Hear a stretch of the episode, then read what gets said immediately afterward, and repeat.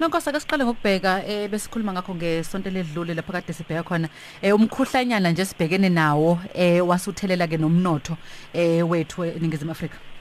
Besithi noncebo ngeviki elidlule akuthi ma uhulumeni eh nathi nje sibeka eh, sponsored vivaneni ma esebenzisa laba bantu ekuthiwa ama essential workers abenza umsebenzi obaluleke kakhulu.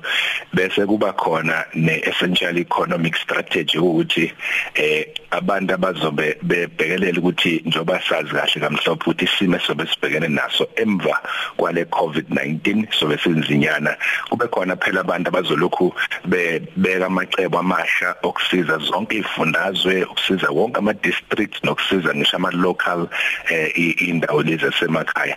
Sabuka futhi uhlelo lwenziwe iJSE oluhambisana nokuthi nalo nayo eh iphonse iches vivaneni kwi solidarity fund eh njengoba sazi ukuthi ngeviki elidlule eh ngomhla ka 15 nomhla 16 eh kuthathwe nje insuku ezimbili ukuthi yonke imali ezobe izobenziwa iJSE ifake nayo kwi solidarity fund. Soke sabuza ke bazosiphendula ukuthi benze imali ngeviki elidlule besibheka lokho nangcebo Eh nonko sibonile la eh ukuthi umongameli wezwe uthe kuzoba khona u1 trillion ozoba istimulus package ozozama ukuthi ulekelele eh izimboni ezahlukahlukene ekuzona bezoshayeka kakhulu ngenxa yayo ke iCovid-19 umbuzo uthi njengoba ifiscal yethu eh ibudget kuba u1.95 trillion uzobuqhamuke phi lo 1 trillion? Nanokuthi uzolekelela uzolekelela kweziphi imboni kunjalo nengcebo mhlambe singakabuki nje ukuthi uzokuqhamukephi asikusho ukuthi impela njengoba nayi kuhulumeni wethu njengohulumeni bonke bamazwe omhlaba eh uyazama ukuthi uze namacebo okuthi angawusiza kanjani umnotho. Ngicabanga kwabuka izola indaba la ezimbi kakhulu nesho nakuwoyela eMelika okugcina kushaya namazwe amaningi emhlabeni. Isasol nje le inkampani yethu enkulu kaza sazi ukuthi iyokwazi nokusinda yona kulesi sigameko esikhona nje kwekawoyela. So ungabuka ke yonke imizamo ikhona ukuthi kusizakale kuphakanyiswa umnotho ngoba iqiniso longcebe elithi njengoba silokhu sihlale siphinda kule ngosi ngaphandle nje kokuthi kunakeleke abantu baseNingizimu Afrika. Into efunakele kakhulu ekuyiyona enakekela abantu baseNingizimu Afrika umnotho. So ke abantu beyebodwa bazogcina bezuza kakhulu lapho ukuthi noma belidinga usiza abantu nje bebonke. Okubalekile ukuthi fanele siqonde kabanzi ukuthi uhulumeni uyadinga ukuthi aphakamisa umnotho. So ubuza umbuzo ukuthi kuzokwenzeka kanjani uhulumeni uyathatha imali? Mase ngabuka amazwe amabili nje iUSA ifake yona cishe u2 trillion wama dollars ku 10% wemali yayo yenzayo iUSA yenza 21 trillion dollars. Ngonyaka.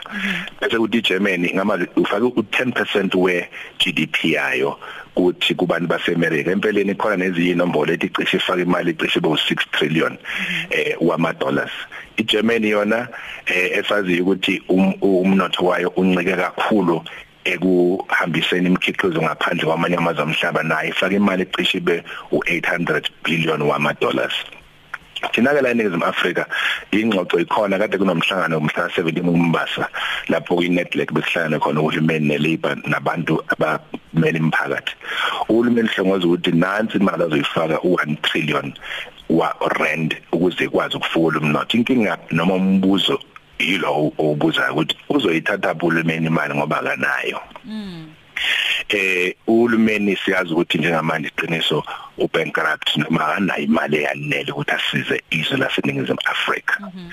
Eh kodwa uma ufunda eh ngomhlangano wabe nawe uyathola ukuthi kubhekwe ukuthi uzodonsa imali lapha ya mhlambe emabhenki kube ukuthi amabhenki awazi awanxenxe ukuthi afake imali ukustimulate noma ukufula kabusha umnotho. Enye ngasitholakala lapha ko PIC enye itholakale ko GEPF lezi imali zeimpenssion zabasebenzi bakahulumeni. Eh mhlawumbe isizathu esenza ukuthi sithi ukuxoxa kancane ngalolu daba ekseni nongcebo ukuthi thina sikhulumela kakhulu abantu abangasomabhizinisi abamnyama nabantu basemakhaya nasemalokishini. Uma uzothi imali sizonqenqa amabhenki ukuthi afake imali eh amabhenki manje awanalo isasasa elihle futhi awanako ugqozi lokufana osomabhizinisi abancane uma ungabuka nje kulesi sigaba sokuthi kule relief funds ekhona mhlawumbe imali ade ikhishwa uRupert zonke lezi imali amabhizinisi asalokho ebenefita acisha kengconywana kunawethu la wethu our benefiting ngezakhe eziningi sokuqala ukuthi awekho compliant fully kanti bekuyisikhathi lesokuthi uhulumeni asize ukwenza amabhizinisi amancane comply. Mhlawumbe angene ku SARS abhaliswe khona angene futhi nako labor ukuze abhaliswe khona. Kwamanje kumanje isikhali esikhulu nongcebo emveni kokuxoxa njalo kule ngosi mhlanje sithola ikhala eziningi ezikhona kubantu ukuthi thina sizakala kanjani? Asizakali vele ngoba sile kwa kwalamba washa emakhaya.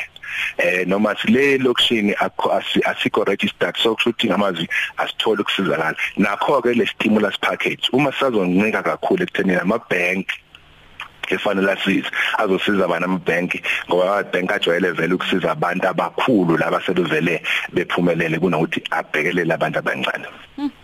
Nonke solakhe silandela indaba ukuthi ngabe luthini uhlelo lokuthi kulekeleleke abantu abaphela kugwenywa into yokuthi abantu balahlekelwe imisebenzi okuzodala enye inkinga futhi eh ngeindlela ezahlukahlukene kuona umnotho wethu. Nakuyona nje inhlalo yonke yaseningizimu Afrika. Siyazi ke ukuthi ulwazi onjeni lokho nelifaka ku website eh website yenu nalapho ntolakala khona.